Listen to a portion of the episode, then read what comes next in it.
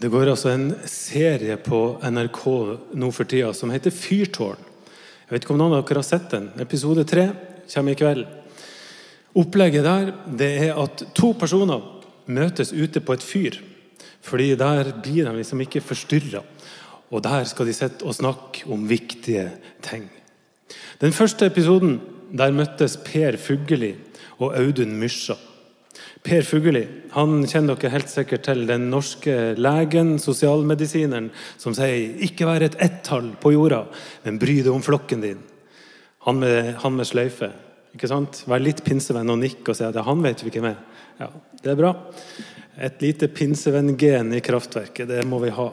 Audun Mysja derimot, han er det kanskje ikke så innmari mange som har hørt om. Men han er også lege og driver mye med alternative behandlinger. Han er f.eks. opptatt av musikk som en behandlingsform for ulike sykdommer. Og disse to har så vidt jeg vet i hvert fall aldri møtt hverandre før.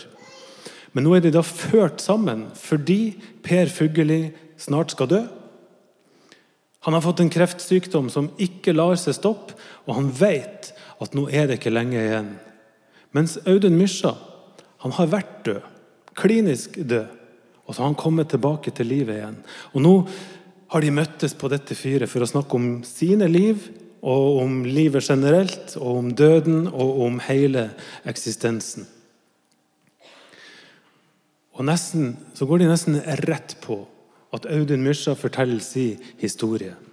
Saken er at da han var i tenårene, så var han djupt deprimert. Og han hadde et elendig sjølbilde som førte til at han utvikla alvorlige spiseforstyrrelser. Og det gikk så langt at han lå flere uker alene i et rom uten å spise og uten å drikke. Og I programmet så sitter han i en blå, stor, tjukk strikka genser og ser utover havet. Og Av og til så gynger han sånn fram og tilbake når han forteller. Han er helt oppslukt av sin egen fortelling. Og Per Fugelli sitter i en annen merkelig strikka genser over skuldrene og hører på. Og så er det en ganske sånn intens stemning.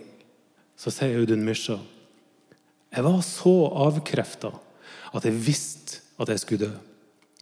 Den vissheten kom ikke innenfra, men den kom fra periferien og innover. Og så ble jeg løfta inn i et slags fløyelsmørke. Og i dette fløyelsmørket, der var det nåde. Der var det en kjærlighet som er så mye større enn mellom noen mennesker på jorda. Og der kunne jeg hvile. Og så kom det en lyskilde. Også det var fra periferien og innover. Og en skikkelse kommuniserte til meg, helt ordløst. Men det var tydelig at denne skikkelsen visste alt om livet mitt. Alt jeg har vært, all min elendighet, alt jeg har prøvd, det som jeg ikke har fått til. Men helt uten å dømme. Og så fortsetter han. Så fikk jeg låne blikket til denne skikkelsen. Og jeg fikk se at i alt som var mislykka og vanskelig, der lå det likevel et råstoff til å bli en Audun Mysja som det faktisk er plass til på jorda, og som vil være her. Og det blikket der ga meg et helt nytt syn på meg sjøl. Og så fikk jeg et valg. Jeg kunne forlate livet, kunne forlate jorda. Det var helt greit. Men jeg kunne også vende tilbake. Og hvis jeg skulle vende tilbake, så var det som om det lå en kontrakt der. Jeg måtte bruke livet mitt til å utvide medisinens agenda. Hvis jeg skulle vende tilbake, så måtte jeg vie livet mitt til medisinen, sånn at den kan inneholde den dimensjonen som jeg hadde blitt vist her. Og Der avslutter historien hans. Og som dere skjønner, Audun Mysja vendte tilbake til livet. For han satt ute på dette fyret og fortalte disse tingene. Og Det er en ganske heftig historie som ligner mange mange andre historier som i hvert fall jeg har lest om fra folk som har vært klinisk døde og kommet tilbake. Og Jeg har ikke tenkt å tolke den, bare så dere er helt klar over det. Jeg har ikke tenkt å mene noen ting om den. Altså, Var han død? Var han ikke død? Var det på ordentlig, eller var det bare en drøm? Og hvem var denne skikkelsen? Ja, Det får jeg tenke mitt om, og det får dere tenke deres om. Det får stå der som den personlige fortellinga som det faktisk er. Men det som slår meg, det er at uansett hva dette var, så er det jo ei fortelling om det gode. Ikke sant? Alt her var godt. Det var en opplevelse av ufattelig nåde. Av en kjærlighet han aldri hadde sett før. Av lys. Og disse tingene her de har forma hele livet til Audun Mysja. Og nå er han blitt en gammel mann. Dette skjedde for over 40 år siden. Men når han forteller, så er det fortsatt helt levende. Han er helt oppslukt. Det er helt nært. Og følelsene ligger på utsida av denne mannen når han forteller historien sin.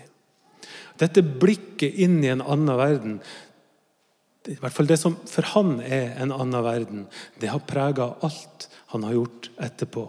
Det har prega sjølbildet hans, det har prega levemåten hans. Og han har brukt hele livet sitt etterpå på det som var kontrakten. Nemlig å finne plass til den åndelige dimensjonen i medisin og legevitenskap. Og så hørte vi nå nettopp en tekst fra Bibelen. En tekst som også kretser rundt de her store, eksistensielle spørsmålene.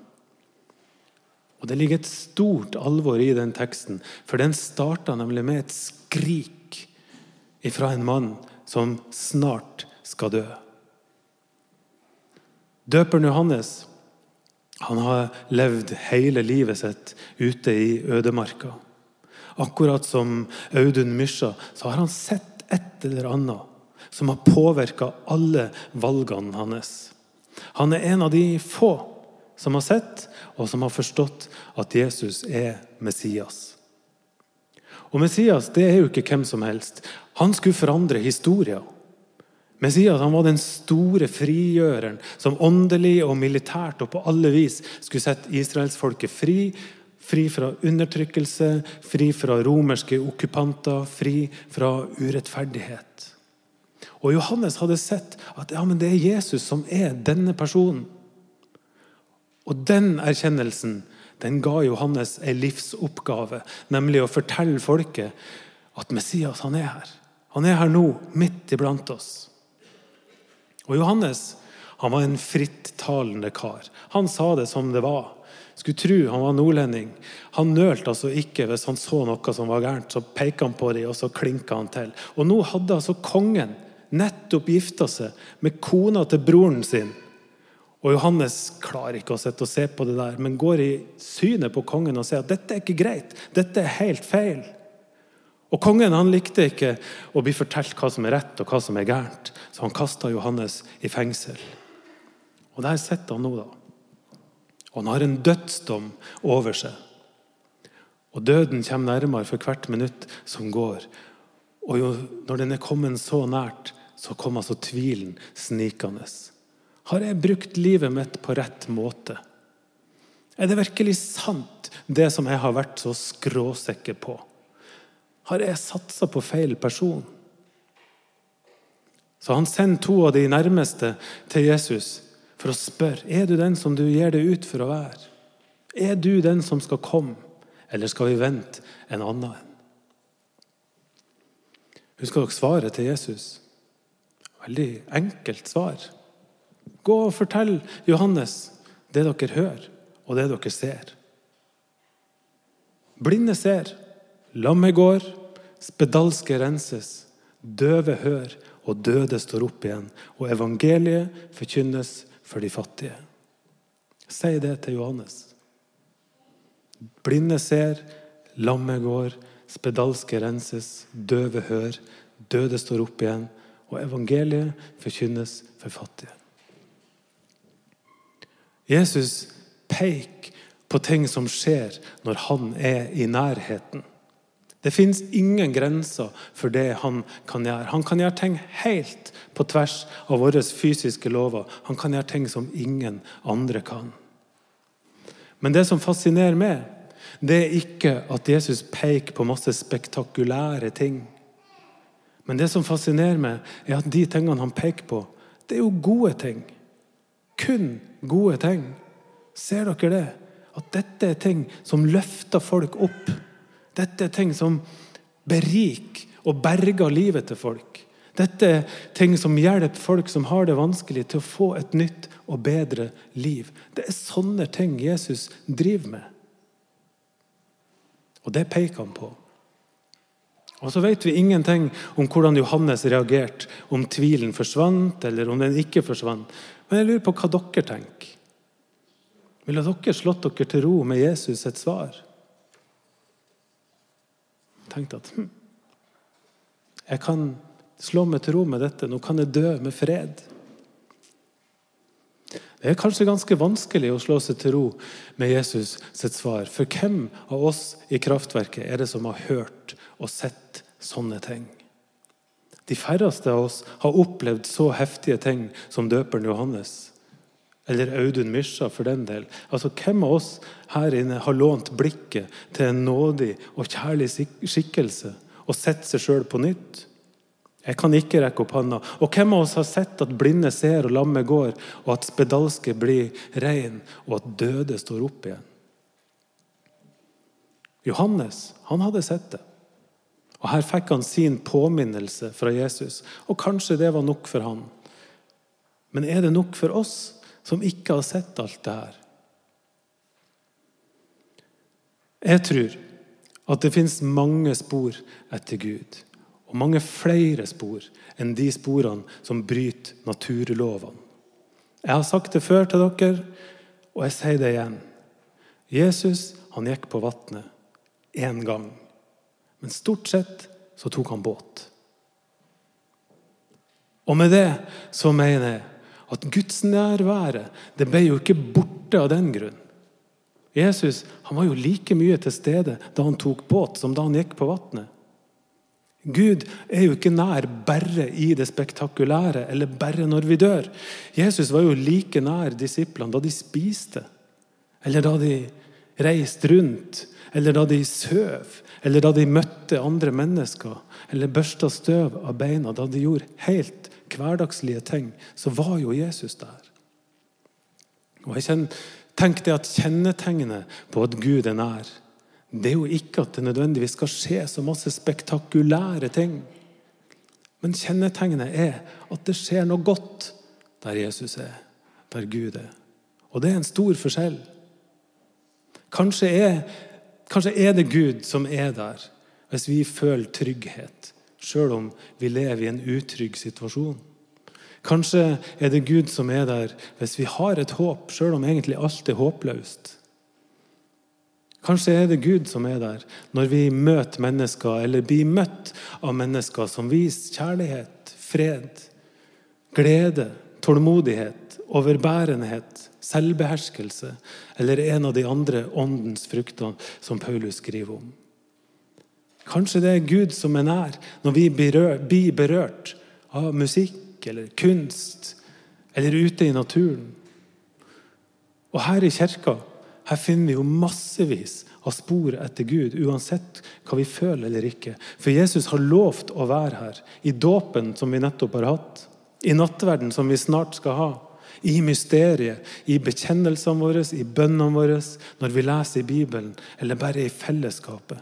Hver gang vi samles, har Jesus lov til å være her. Uten at det oppleves så spektakulært. Gud setter sine spor i hverdagen. Gud setter sine spor i de gode vanene som fører oss hit til kirka. Og jeg tror at disse sporene her, de har en enorm kraft.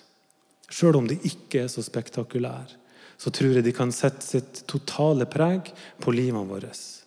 På sjølbildet vårt, på valgene vi tar, på måten vi lever på.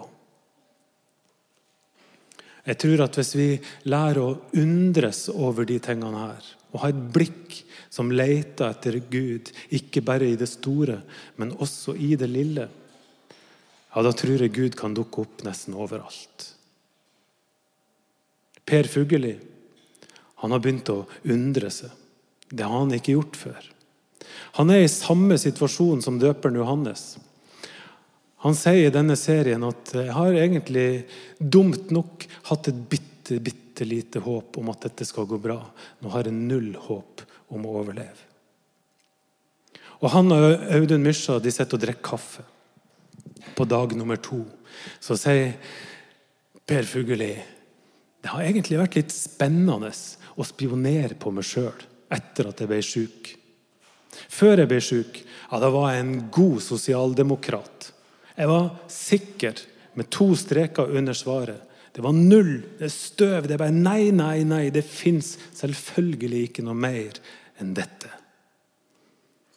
Men de årene jeg har vært sjuk, så har jeg bevega meg vekk fra den tåpelige bomsikkerheten og over mot undring. Det skal bli spennende å se, sier han. Og Så bøyer han seg over bordet og så sier han det er bare én måte å finne dette ut på, Audun. Og så setter han seg tilbake og så sukker han. Vi får se. Vi får se.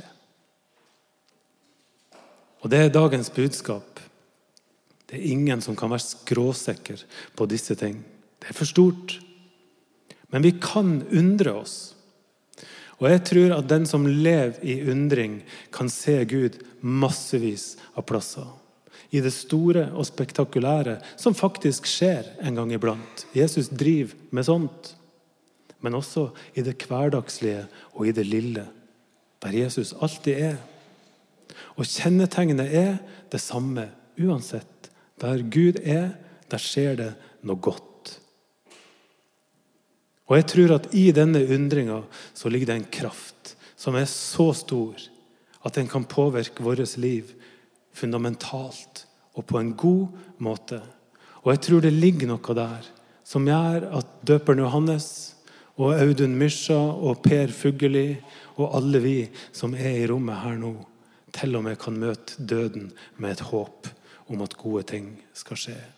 Så stor kraft er det å se noen spor etter Gud.